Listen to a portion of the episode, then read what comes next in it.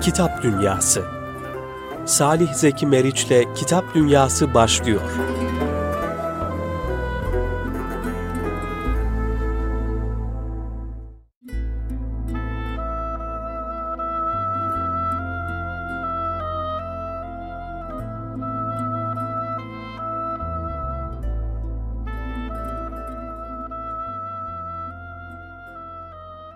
Kıymetli Erkam Radyosu dinleyenleri, hepinizi bir kitap dünyasından sevgiyle, muhabbetle selamlıyoruz. Ee, kitap Dünyası programımızın bu haftaki misafiri, sizlerin de yakından tanıdığı e, ve kitapları e, başta Erkam yayınları olmak üzere muhtelif yayın evlerinden neşredilen e, kıymetli hocamız Adem Saraç Bey. Ben e, programımızın başında kendilerine e, hoş geldiniz diyorum ve e, hocamızla programı başlatmış oluyoruz. Hoş geldiniz muhterem hocam. Hoş bulduk, teşekkür ediyorum. Ben de sizin vesilenizle e, kıymetli e, dinleyenlerimizi saygıyla, sevgiyle, hürmetle, muhabbetle selamlıyorum. E, hocam, e, malum bizim programımızın formatı bir kitap ve e, değerlendirmiş olduğumuz kitabın yazarını konuk ediyoruz. Kitap üzerinde evet. konuşuyoruz. Evet. Kitap üzerinde e, mülazalarınızı dinliyoruz. Bu kitap programımızın konusu kitabı da e, evet. sizin kaleme almış olduğunuz Peygamberimizin Kızları Gülün Gülleri kitabı. Ee, inşallah kıymetli dinleyicilerimizle birlikte bu kitabın muhtevasını, e, serüvenini, nasıl yazıldığını, niçin yazıldığını ve kitabın içeriğine dair e, bir takım soruları size yönelteceğiz ve sizin düşüncelerinizi alacağız. Hayırlısıyla inşallah. İnşallah. Hayırlısıyla. Hocam e, şöyle girişte ben kitabınızı inceledim. Hakikaten Peygamber Efendimizin e, kızlarını yüzünüz değil tabi bunu ifade etmek ama çok güzel anlatmışsınız. Zaten kitabı okuyan e, dinleyicilerimiz de bunu e, düşünecekler ve bu konuda bize katılacaklar. Diğer kitaplardan farklı olarak kitabınızın baş tarafında Peygamber Efendimiz sallallahu aleyhi ve sellem ve sevgili kızlarına arz diye bir bölüm var. Evet. Müsaade ederseniz ben bu bölümü kıymetli dinleyicilerimizle paylaşmak istiyorum. Hakikaten e, belki şimdiye kadar okumuş olduğum kitapların içerisinde rastlamadığım bir e, yaklaşım, bir tarz. Herhalde bu e, arz bölümünü okursak kitabı anlama noktasında biraz daha bize yardımcı olur diye düşünüyoruz inşallah. Doğrusu benim de içimden geçmişti bu. Yani her e, mühim bir dosya üzerinde bir dilekçe bir yazı olur. Ekinde e, asıl hı hı. dosyaya gönderirsiniz. Ben de böyle içimden geçmişti ki acaba arz ile başlansa nasıl olur diye. Tevafuk oldu. Teşekkür ediyorum. Buyurun. Evet hocam. Şöyle başlıyor kıymetli dinleyiciler e, yazarımız kitabın başındaki arz bölümüne. Ya Resulallah evinize girmeye aile efradınızı daha yakından tanımaya izin verir misiniz? Açar mısınız bize kapılarınızı? İçeri buyurun der misiniz? Sonra da evinizin her yanını gezip görmemize, inceleyip öğrenmemize izin verir misiniz? Sevgili annelerimizle beraber sevgili kızlarınız ve damatlarınızla da görüşmemize, onlarla konuşup görüştükten sonra onların nurlu ve onurlu hayatlarını sizin hayatınızla iç içe yazmamıza da izin verir misiniz? Böyle bir şeye kalkışmanın ne kadar ağır bir sorumluluk getirdiğinin farkındayız. Ama İslam anlatılan olayların içinde sizler olmayınca tam anlamıyla anlaşılmıyor. Ey peygamber kızları, sizin o nurlu ve onurlu hayatınızı yazmak gibi bir işe giriştik. Ancak öncelikle izninizi rica ediyoruz. İzin verirseniz sizinle olmak istiyoruz. Sizlerle sizlerle önce bu dünyada gönül ve ruh alemimizle buluşmak istiyoruz. Bu dünyada böyle bir buluşmayı gerçekleştirebilirsek ahiret aleminde de şefaatinize sığınıp komşuluğunuzu dileme cesareti gösterebiliriz ancak. Yüksek müsaadelerinizle peygamber babanız, emektar anneniz ve değerli eşlerinizle beraber bir aile bütünlüğü içinde hayatlarınızı yazıp sizlerin nurlu ve onurlu hayatlarınızı hayatımıza geçirme gayreti içinde olmak arzusundayız. Evinize, yanınıza, çoluk çocuğunuzun içine geliyoruz ya Resulallah. Tekrar müsaadelerinizi istirham ediyoruz. Ey peygamber kızları izninizle. Evet.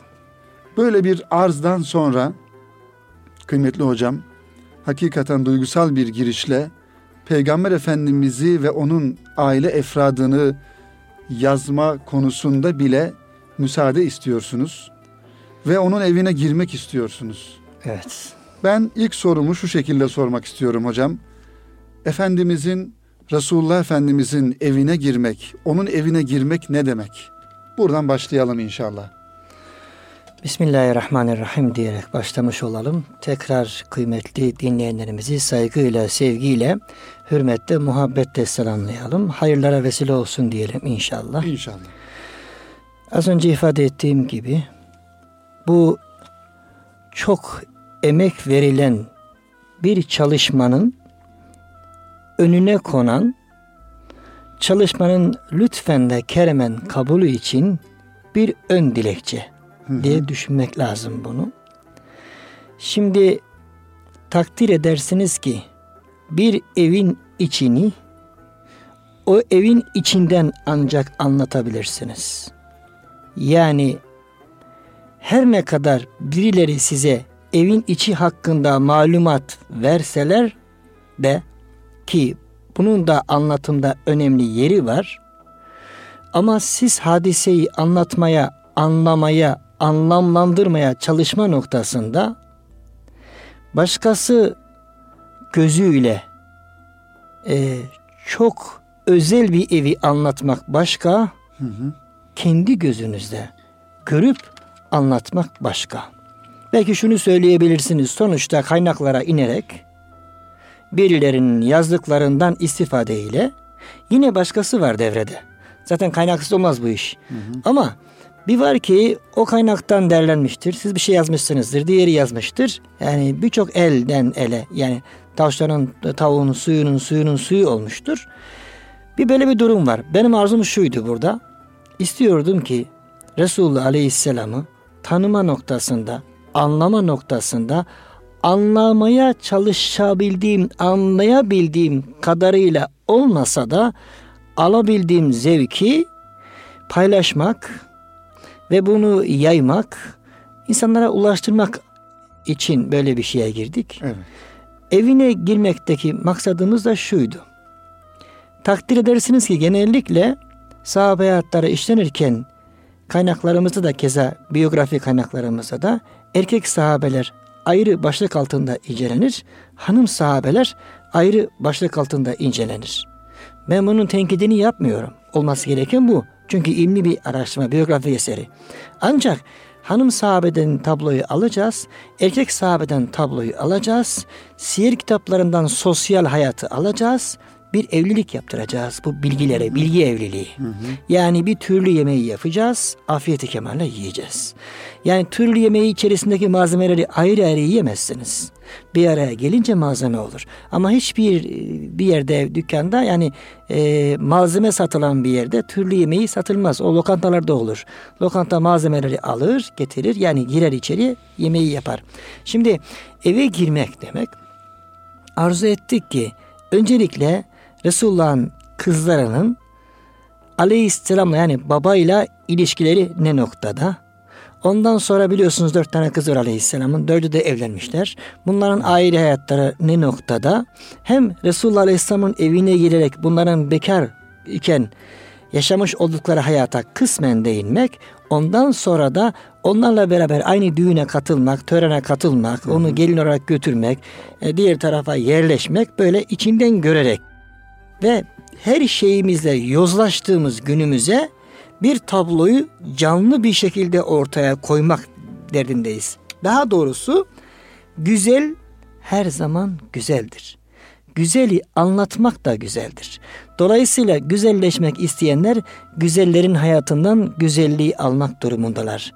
Yani Resulullah'ın evi, sahabenin evi, tabirimi hem siz hem kıymetli dinleyenlerimiz mazur görsünler. Güzellik salonudur. Evet. Ama böyle süs güzelliği değil bu. Bir yürek güzelliği, bir amel güzelliği, bir ahlak güzelliği. O salona oraya girmeyince, o medreseye dahil olmayınca o güzelliği dıştan görmeniz mümkün olmayacaktır. O yüzden biz evin içine girerek anlatma deyimini kullandık ve okuduğunuz gibi ağzınıza sağlık. Orada ifade edildiği gibi müsaade istemeyi arzumuzu da yazıya döküp kitabın başına koyduk. Peki hocam. Ee, şimdi kıymetli hocam e, kitabınızın muhtevasıyla ilgili konuşmaya devam edeceğiz. Yalnız belki biraz konunun dışında da olacak ama e, kıymetli dinleyenlerimiz hem bu kitapların nasıl yazıldığını ve nasıl kaleme alındığını e, bilmeleri ve öğrenmeleri noktasında biraz daha özel bir soru sormak istiyorum size. Evet. E, sizin muhtelif yayın evlerinden yayınlanmış 27 adet kitabınız mevcut. Bunların evet. Evet. E, birçoğusunu Erkam yayınları neşretti ve benim gördüğüm kadarıyla sizin e, siyer e, yazarlığınız e, alışılmışın dışında diyelim ya da Türkiye'de e, siyer veya tarih, İslam tarihi tarihçiliğinin biraz daha dışında daha olayların sizin ifadenizle içerisinden bakarak evet. daha olayların içerisine girerek ve özellikle konunun ve meselenin e, bir mümine Müslümana bakan yönünü anlatan şekliyle yani Efendimizin kızlarını anlatırken e, bir hayat hikayesinden ziyade onların o güzel ahlakının bize günümüze nasıl yansıması gerektiği noktasından evet. bakarak yazıyorsunuz e, Siyer'i ve e, aynı zamanda Siyer-i Nebi'yi de. Evet. E, özel soru dedim. Siyer'e merakınız ne zaman başladı ya da e, bu kadar kitabı kaleme alırken, yazarken nasıl bir yol izliyorsunuz? Ve sizin üslubunuz da hocam farklı. Biraz duygusal bir üslubunuz var hakikaten. Biraz Hı. böyle e, hakikaten derin ve içli bir üslubunuz var. Okuyucularımız, okuyanlar e, bunu da bileceklerdir. E, kitaplarınıza ulaşmayan e, dinleyicilerimiz de inşallah bundan sonra kitaplarınıza ulaşmak isteyeceklerdir.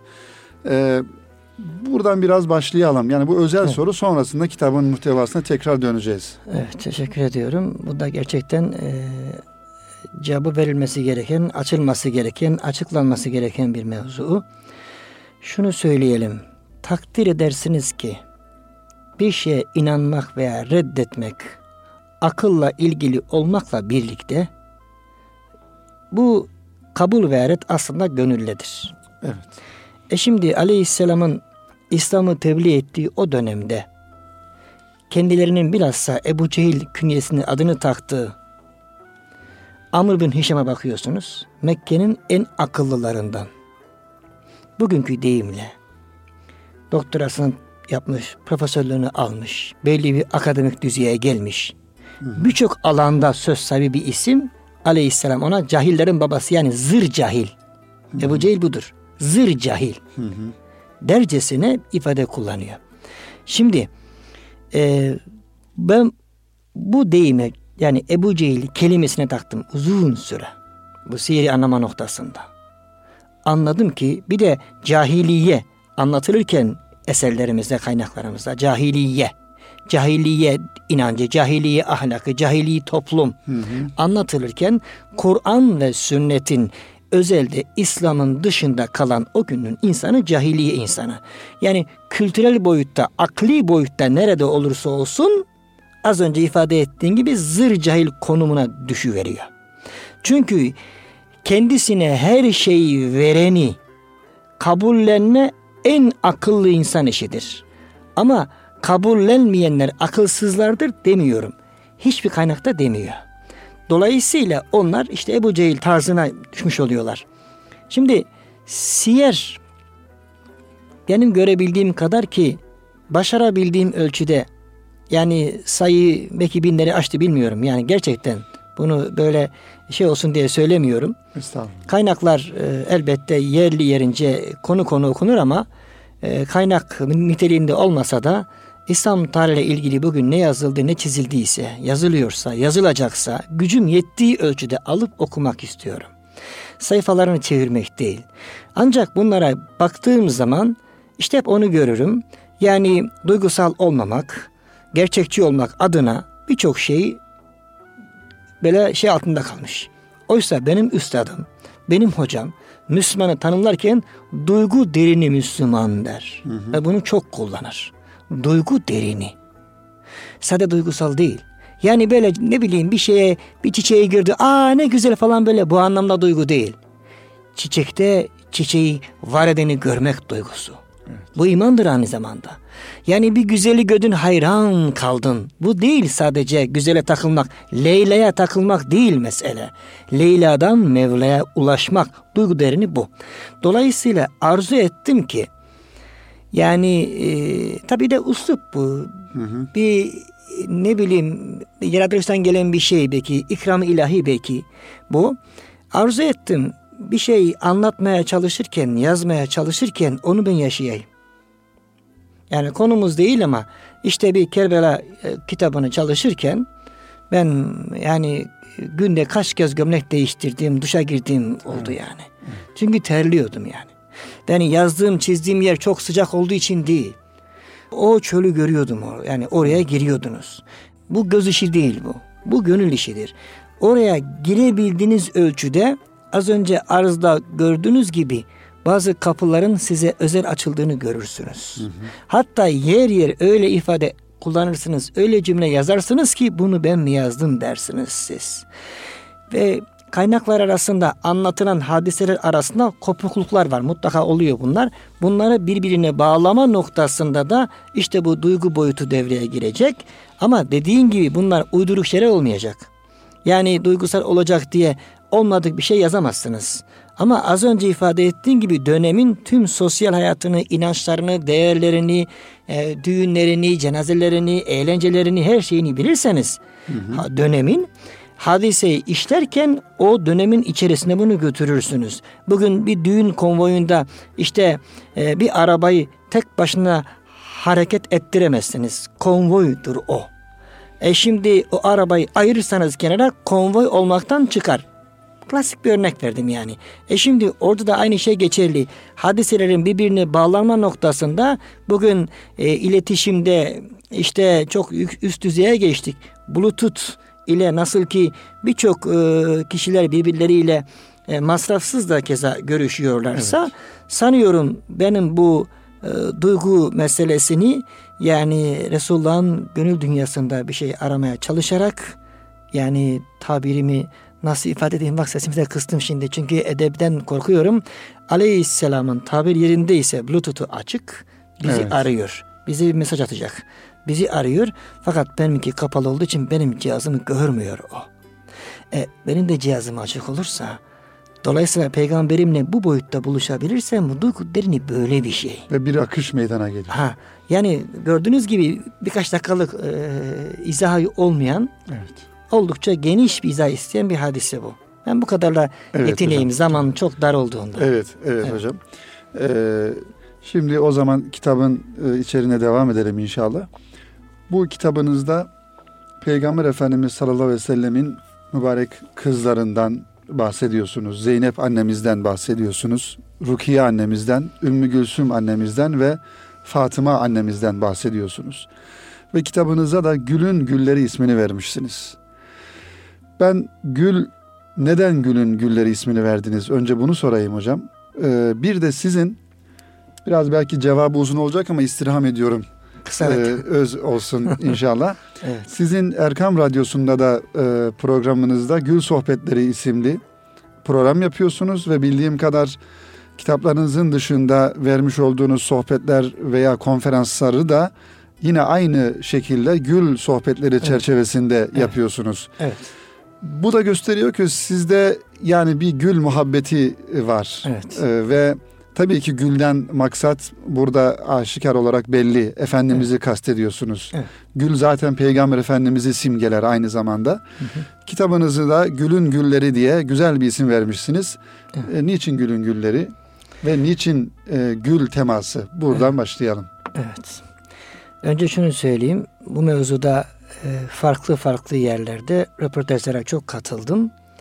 Ve birkaç yerde e, benim gönül dünyamı alabora eden bir soru girişi yaptılar. Sizde bu gül saplantısı neden dediler. Ben çok üzülmüştüm. Siz gül muhabbeti neden dediniz? Evet saplantı değil hocam. Ha. Müminin saplantısı olmaz. İşte. Bu, muhabbeti olur. İşte içinden bakmak budur. Sonuçta siz de ilahiyatçısınız, yazarsınız. Efendim bir dergi altınolumuzda güzel bir hizmettesiniz. İşin içindesiniz. Tabi işte evin içinden konuşmak böyle bir şey. Evet. Evin dışından konuştuğumuz saplantı diye konuşursunuz. Oysa bizim muhabbetimiz yani gülle ilişkin hamdolsun bu kutlu doğum haftalarında çok güzel şeyler anlatılıyor. Halkımız artık gülü öğrendi. Gül herhangi bir çiçek değil artık. Evet. Herhangi bir çiçek değil. Aleyhisselam'ı temsil ediyor. Gül güzeldir. Ya yani her şeyle e, gül çiçek olarak güzeldir. Koku olarak güzeldir. Renk her olarak şey, renk güzeldir. olarak. Yani e, şimdi çok kısa bir sürem var. Yani nasıl anlatayım?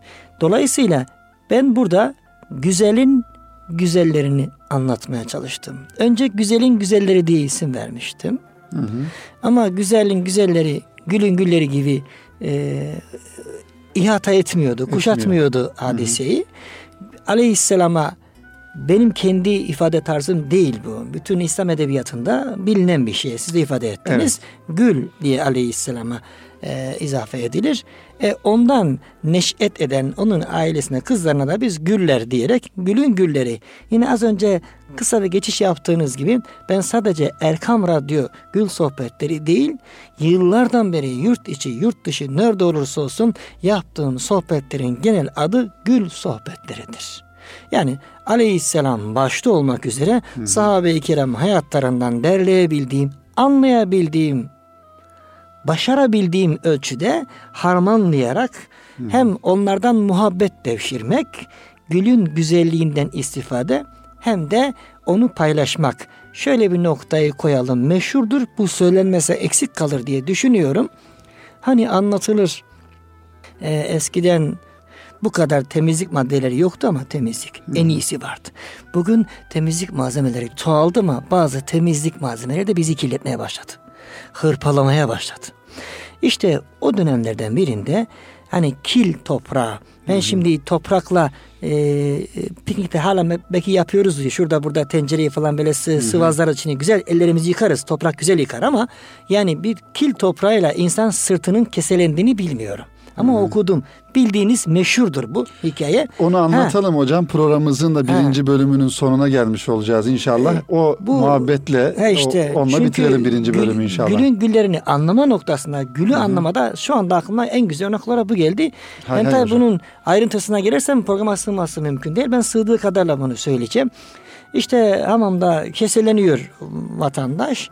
Fakat e, müthiş bir gül kokusu, bir rayha böyle mest oluyor o güzel kokudan. E tabi dönüyor. E tabi kokuyu sadece burun almaz. Kokuyu, güzelliği sadece göz görmez. Sadece güzel sesi kulak duymaz.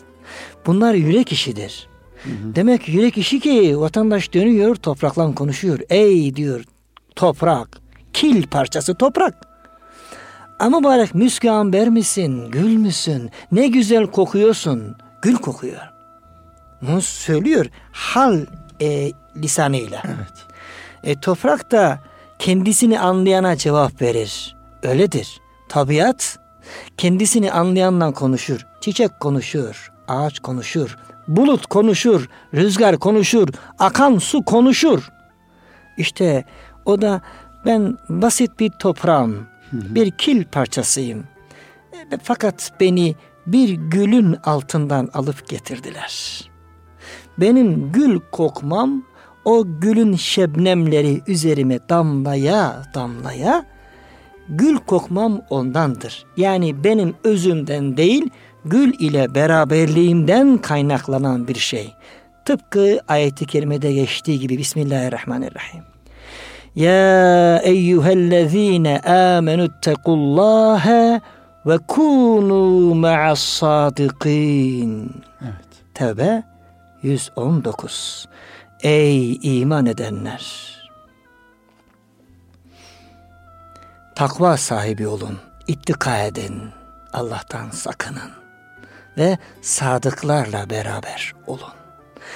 E, toprak bitkilerden sadık gül, toprak gülle beraber o kokuyu aldı.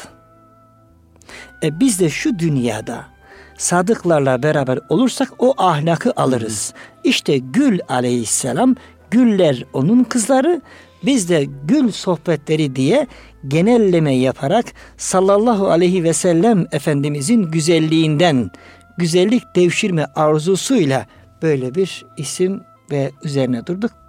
Bunu kendimize logo yaptık. Peki hocam çok e, teşekkür ediyoruz. Birinci bölümümüzün sonuna gelmiş olduk. Kitap Dünyası programının kıymetli dinleyenler. Kitap Dünyası programında ben başta da ifade etmeliydim. Belki kıymetli hocam çok da hoşlanmasa da e, bu tür ifadeleri e, Van 100. Yıl Üniversitesi İlahiyat Fakültesi öğretim e, görevlisi Adem Saraç hocamız ve Gülün Gülleri kitabını konuşuyoruz kendileriyle. Programımızın birinci bölümü burada sona erdi. E, ikinci bölümde buluşmayı ümit ediyoruz efendim.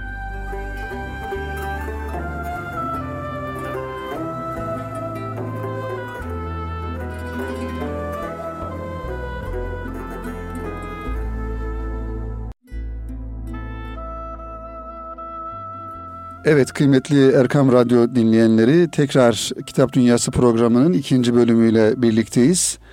Van 100. Yıl Üniversitesi İlahiyat Fakültesi öğretim görevlilerinden kıymetli hocamız Adem Saraç'la birlikteyiz. Gülün Gülleri kitabı üzerine konuşuyoruz. Kıymetli hocam birinci bölümde e, niçin kitabın adını Gülün Gülleri olarak seçtiniz ve sizin siyer yazarlığınızla ilgili bir takım sorular sorduk ve aynı zamanda e, kitabınızın girişinde olan arz yazısını okuduk.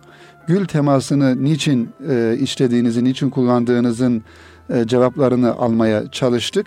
Evet. Ve sizler de e, e, cevaplar verdiniz. Şimdi ikinci bölümde biraz daha kitabın içeriğiyle ilgili e, bir mümin olarak, bir Müslüman olarak Efendimizin e, gerek zat ailesinin gerekse ailesinin ahlakından ahlaklanma noktasında bir müminin e, ona karşı olan muhabbeti nasıl olmalı? E, Peygamber Efendimiz'i nasıl sevmeliyiz? Sevmenin yolu, yöntemi, boyutları nedir hocam? Yani biz sadece Efendimiz'i çok seviyoruz demekle sevmiş oluyor muyuz? Onun tezahürlerini hayatımızda, ahlakımızda, işimizde, muamelatımızda nasıl göstermeliyiz? Biraz bunu dinleyelim inşallah. Evet. Takdir edersiniz ki hem siz hem çok kıymetli dinleyenlerimiz bazı sorular, e, ifadeler belki birkaç dakikada veya saniyede soruluyor ama cevaplar birer kitaplık durumunda. Dolayısıyla vereceğimiz yani biz şu an gerçi soru cevaptan da bir söyleşi yapıyoruz beraber. Siz de katkıda bulunuyorsunuz tabi. Ee, çok kıymetli dinleyenlerimiz şöyle düşünmesinler. Biz bu sorunun cevabının tamamını verme imkanımız yok radyo yok, ortamında. Evet. Yani kısa kısa e, malumatlar vereceğiz. Bir kere e, birçok hadislerde sevgi ile iman adeta eşleştirilir. Mesela aleyhisselam buyurur. Yani iki tane hadis e, birbirine çok benzer ifadeyle gelmiş, rivayet edilmiş. Birinde de ayet-i kerime desteği de var aynı zamanda. Ben önce ayet destekli hadisi ifade edeyim. Aleyhisselam buyuruyor. Ma min müminin. Ma min müminin. Hiçbiriniz mümin olamazsınız. Buna mana verilirken gerçek manada, kamil manada, mükemmel manada hı hı. tefsirimsi mana verilir. Evet. Ama yüzeysel bakarsanız böyle görünüyor. Hiçbiriniz mümin olamazsınız. İlla ancak ve ene evlen nasibihi fi dünya vel ahire. Dünya ve ahirette sizin için insanların en sevdiği ben olmadığım sürece. Bunu Resulullah buyuruyor. insanların en sevdiği sizin için ben olmadığım sürece mümin olamazsınız gerçek manada. İkra'u in diyor aleyhisselam sonra. İsterseniz diyor delil olarak şunu okuyunuz. Buyuruyor Ahzab suresinin 6. ayetin baş tarafını okuyor aleyhisselam. Bismillahirrahmanirrahim. En nebiyyü evla bil mu'minine min enfusihim ve ezvacuhu ummahatuhum. Ayet devam ediyor. Aleyhisselam bu kadar okuyor. Nebi, peygamber müminler nazarında canlarından önce gelir. Canından da önceliklidir. Onun hanımları da annelerinizdir. Hı hı. Şimdi ayetin bu kısmına bakıyoruz. Hani bazı insanlar bazı hadis-i şerifleri anlamada, anlamlandırmada, şu çağda yorumlamada sıkıntıya girince hadislerle oynamaya başlıyorlar. Maalesef. Bu bizi çok üzüyor. Her önüne gelinde bunu yapmaya başladı artık. Bu mikrofonlardan bu vesileyle hadislerle oynamasınlar.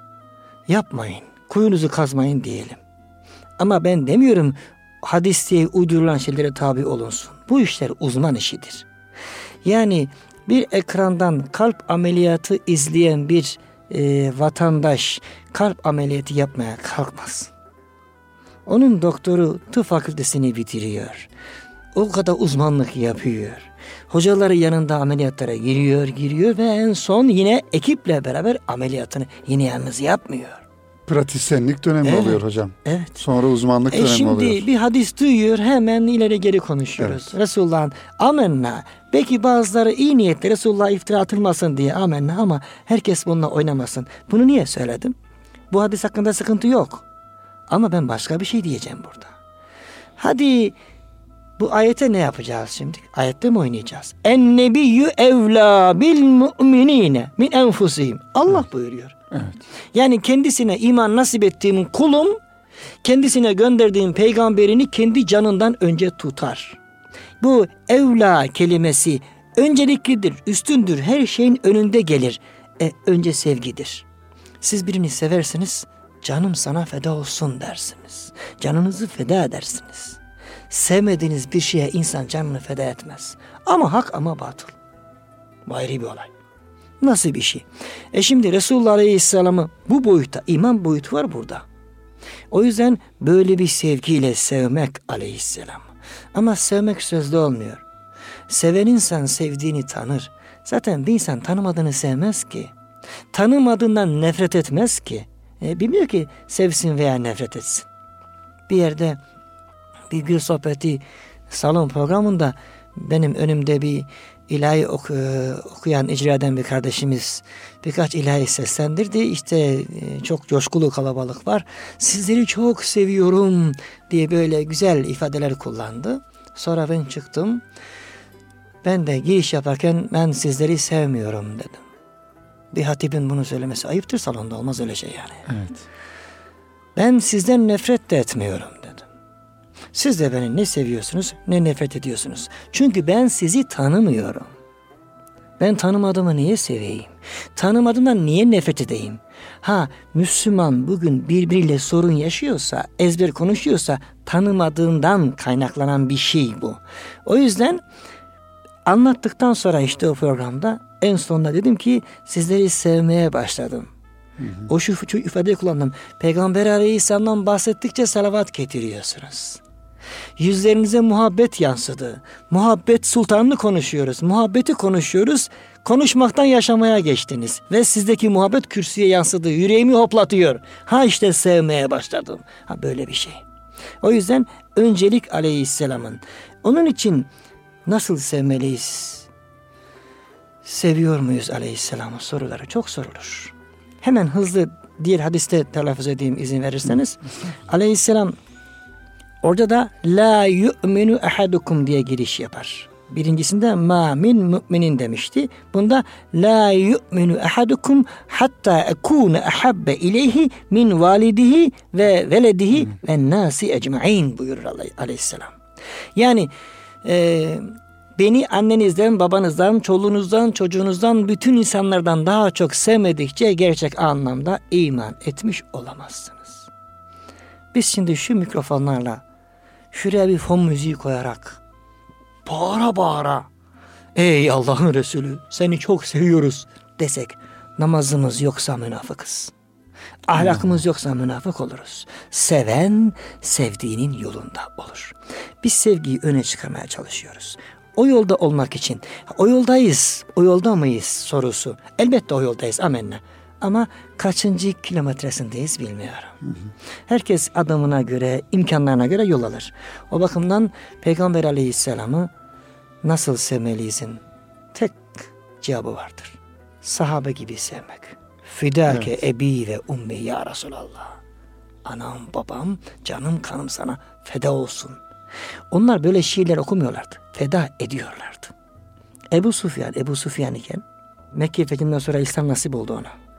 Yani 21 yıl İslam'ın karşısındaydı. Ebu Sufyan meşhur. Hı hı.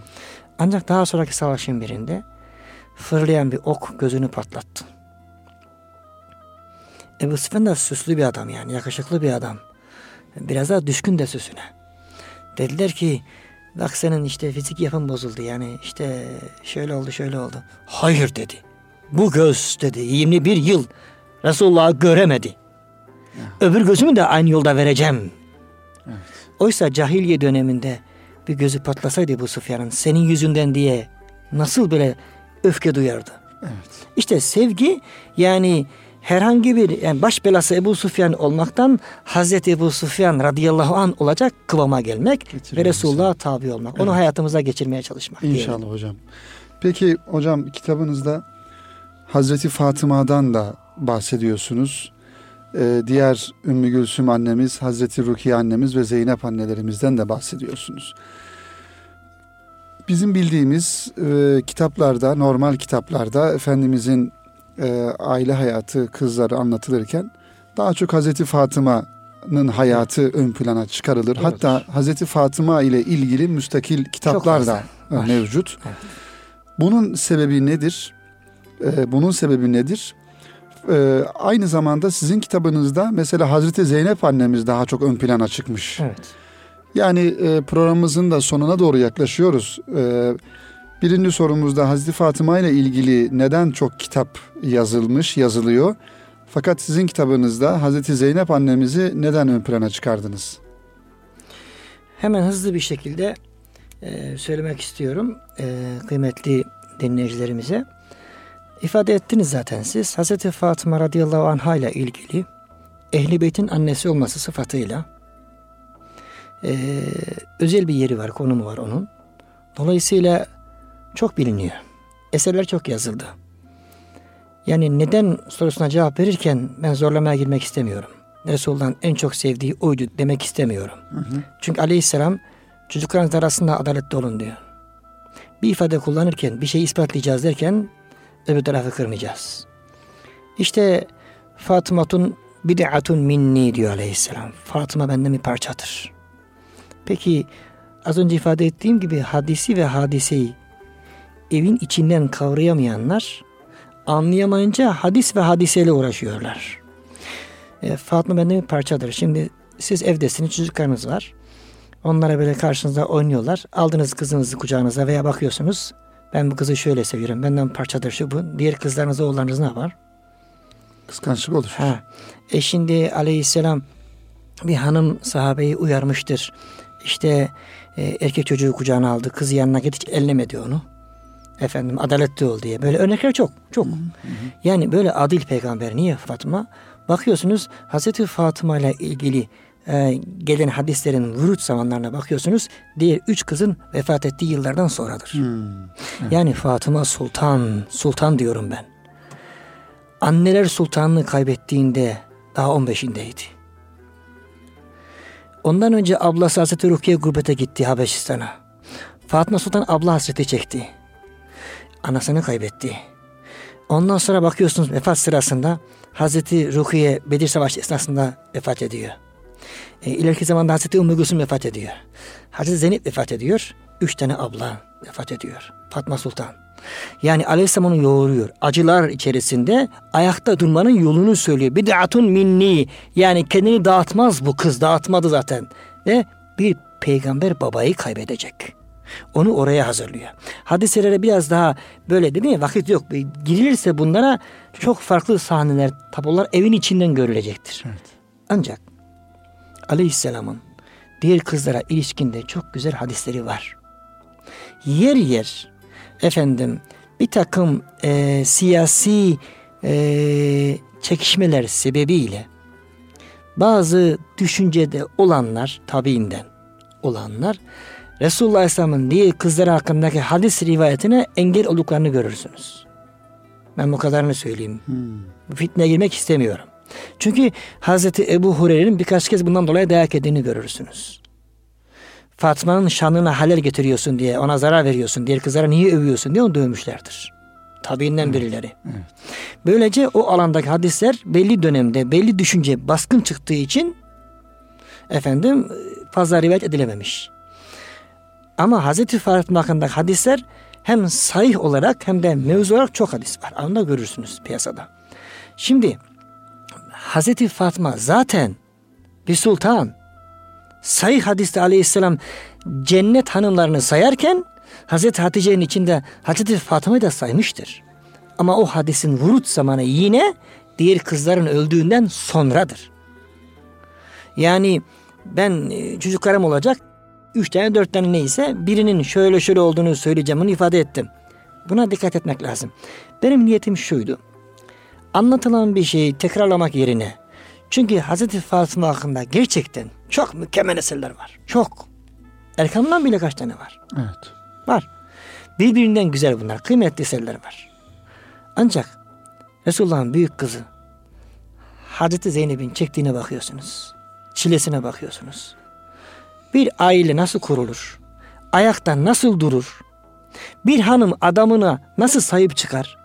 Çıkamıyorsa açsın Hazreti Zeynep'i okusun. Çünkü onun kocası uzun yıllar müşrik olarak kaldı.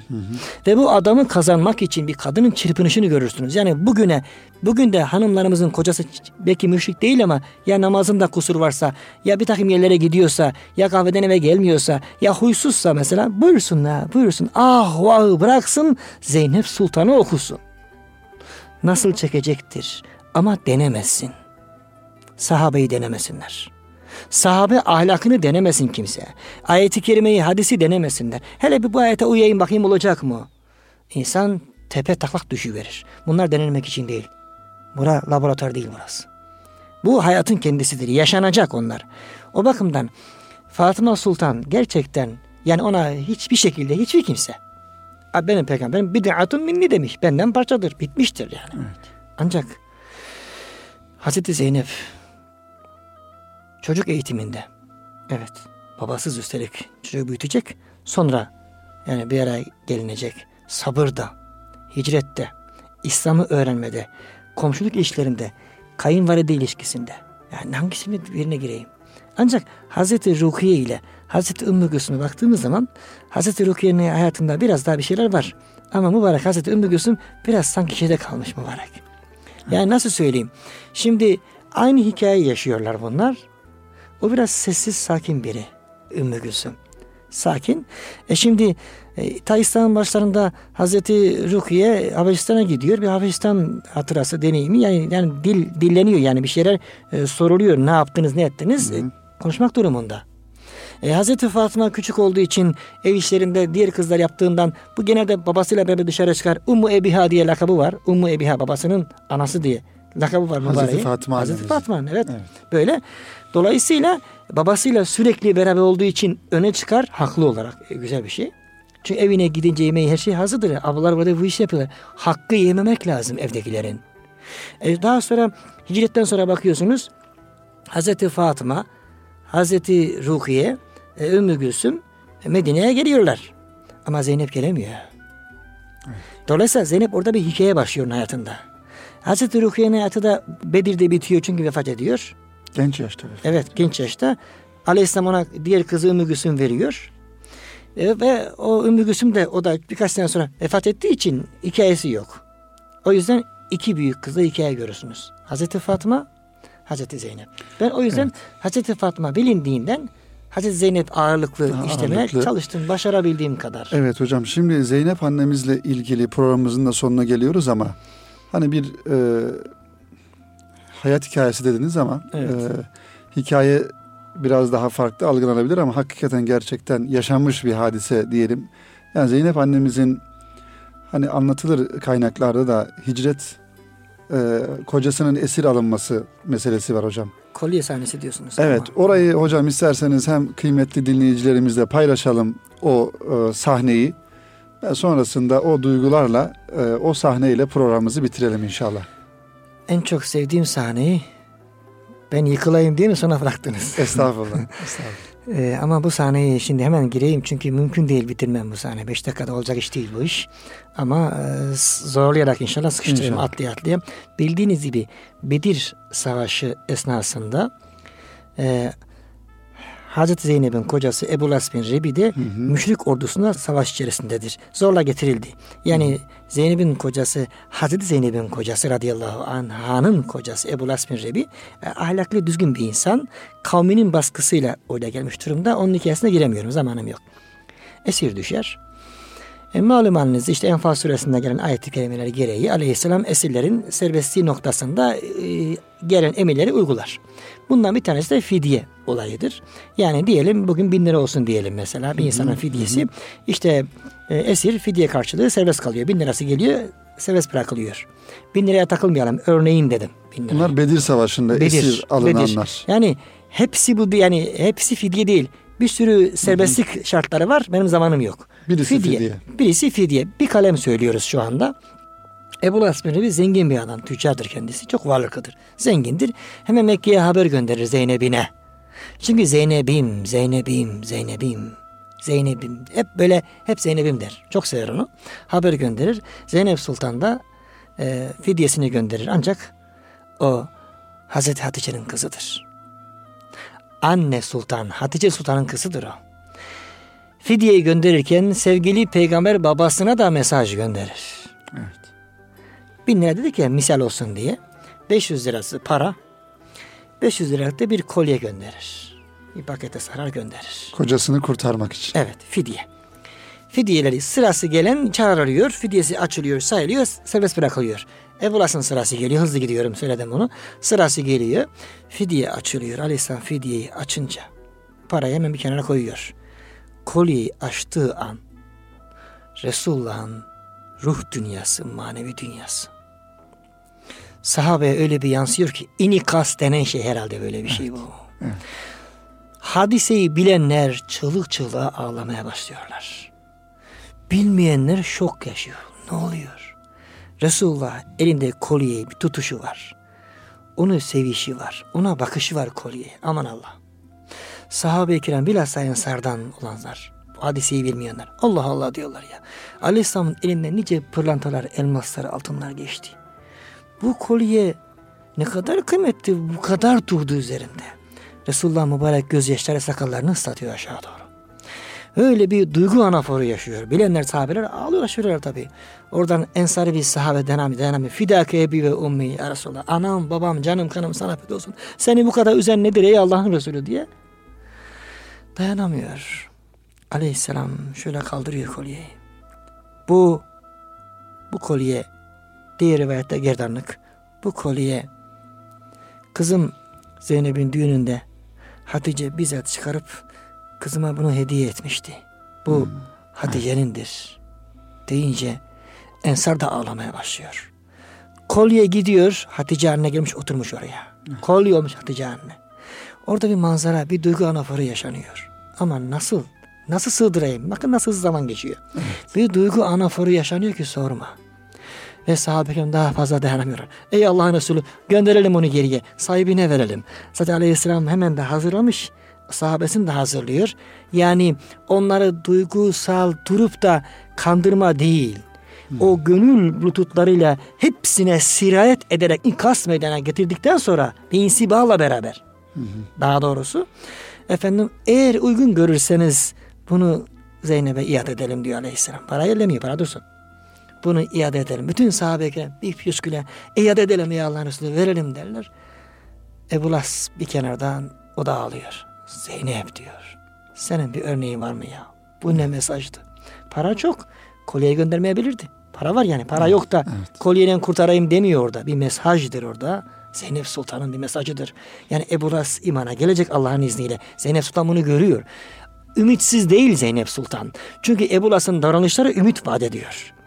Ve tabii yıllar sonra, 6 sene sonra imana gelecek çok var daha oraya. Ama bu mesajı verir o da Peygamberimiz Aleyhisselam.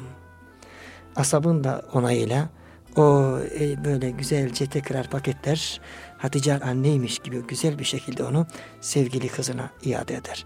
Ebu Las yol boyu gözyaşı döke döke Zeynep Sultan'ın gönül dünyasını adeta bizimle. Bakın yani az zaman olsa da insan konuşsa daha neler ortaya çıkacak. Bu kadar değil bu ama inşallah muhterem e, dinleyenlerimiz bunu değişik kitaplardan efendim hocamızın da Hazreti Peygamber'i anlatan eserinde Bedir Harbi'nin sonunda var bu tablo güzel bir şekilde. Oradan da okurlarsa inşallah, inşallah. çok daha güzel muhabbeti alacaklardır Hakikaten inşallah. hocam inşallah evet. zamanın nasıl geçtiğini evet. biz de anlayamadık. Ağzınıza, dilinize, yüreğinize sağlık. Umarız, ümit ederiz ki e, kıymetli dinleyenler e, hocamızın anlatmış olduğu bu güzel sahneleri hakikaten böyle evin dışından değil de evin içinden bakarak kaleme almış olduğu kitaplardan da okuruz. İşte bunlardan bir tanesi de Gülün Günleri Peygamber Efendimiz sallallahu aleyhi ve sellemin kızları kitabıydı. Hocamız bu kitaptan bir takım kesitler bizlere ifade etmeye çalıştılar ama zamanın el verdiği ölçüde Hocam programımızın sonuna gelmiş olduk. Yalnız yine sizin kitabınızın son bölümünde bütün kitaplardan farklı olarak evet. başta okumuş olduğumuz Peygamber Efendimiz sallallahu aleyhi ve selleme ve kızlarına arz bölümünü okumuştuk. Fakat kitabın sonunda son sayfalarında da özür başlıklı bir yazınız var. Bir bölüm var. Ee, müsaade ederseniz ben bu yazıyı da kıymetli dinleyicilerimizle paylaşalım. Sonra İsabet. programımızı bitirelim inşallah. İsabet görür. Buyurun efendim. Evet kıymetli Erkam Radyo dinleyicileri Gülün Gülleri kitabının son e, bölümünde 288. sayfada özür başlıklı şöyle bir yazı var. Kıymetli Adem Saraç hocamızın kaleme almış olduğu Ey peygamber kızları Hazreti Zeynep, Hazreti Rukiye, Hazreti Ümmü Gülsüm, Hazreti Fatıma radıyallahu anha.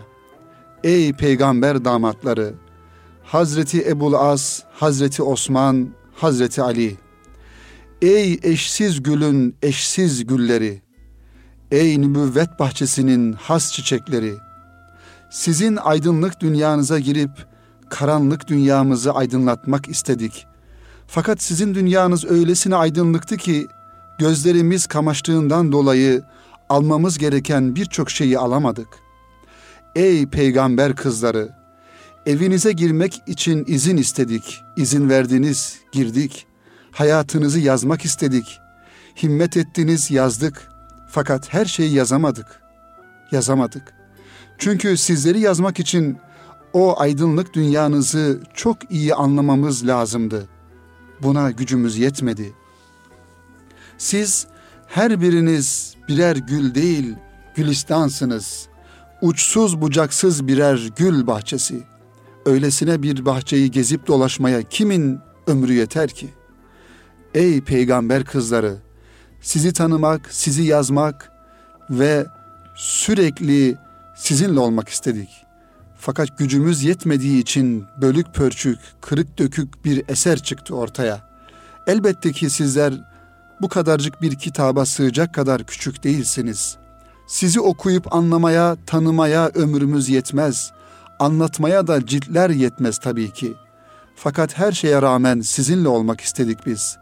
Sizi taşımak istedik günümüze, gönlümüze. Sizinle önce bizzat tanışmak, sonra da tanımak isteyenlere tanıtmak istedik. Elimizde olmadan yapmış olduğumuz hatalarımızdan dolayı önce Rabbimizin affına, sonra Peygamber Efendimizin hoşgörülerine, sonra da sizlerin anlayışına sığınıyoruz. Eksiklerimizden dolayı da her birinizden ayrı ayrı özür diliyor, her birinize selam, muhabbet ve dualarımızı iletiyoruz. Ey peygamber kızları, ahiret aleminde buluşmak arzusuyla biz sizleri çok seviyoruz.'' Evet hocam bu şekilde bitirmişsiniz. Hakikaten yine duygulu ve duygu derinliği olan ifadelerinizle kitabınızı da bitirmiş oldunuz ve bizler de programımızın sonuna gelmiş olduk. Son cümle olarak duygularınızı alalım sonra programı kapatalım inşallah. Evet. Orada ifade etmeye çalıştığımız gibi bir gülistana, bir büyük gül bahçesine girdik. Rengarenk güller vardı ama birkaç kuru yaprağı derleyip çıkabildik. Gücümüz buna yetti. Şu andaki söyleşi de ondan biridir. Bunların okunması, hayatımıza yansıması duasıyla, dileğiyle Allahu Teala yazdıklarımızda, konuştuklarımızda dinleyebildiklerimizde amel etmeyi cümlemize nasip eylesin diyor. Ben bu fırsatı verdiğinizden dolayı şahsınıza ve Erkam Radyo'da teşekkür ediyorum. Hocam biz de çok teşekkür ederiz. Ta uzaklardan geldiniz ve e, bizimle bu güzel e, bilgileri, duyguları ve kitabınızı paylaşmış oldunuz. Biz de ayrıca teşekkür ediyoruz. Evet kıymetli Erkam Radyosu dinleyenleri bir Kitap Dünyası programının da sonuna gelmiş bulunuyoruz. E, Kitap Dünyası programımızda e, kıymetli hocamız Adem Saraç Bey'i misafir ettik ve kaleme almış olduğu Gülün Gülleri kitabını da beraber konuşmuş olduk. İnşallah bir başka Kitap Dünyası programında buluşmayı ümit ediyor. Hepinizi Allah'a emanet ediyoruz efendim.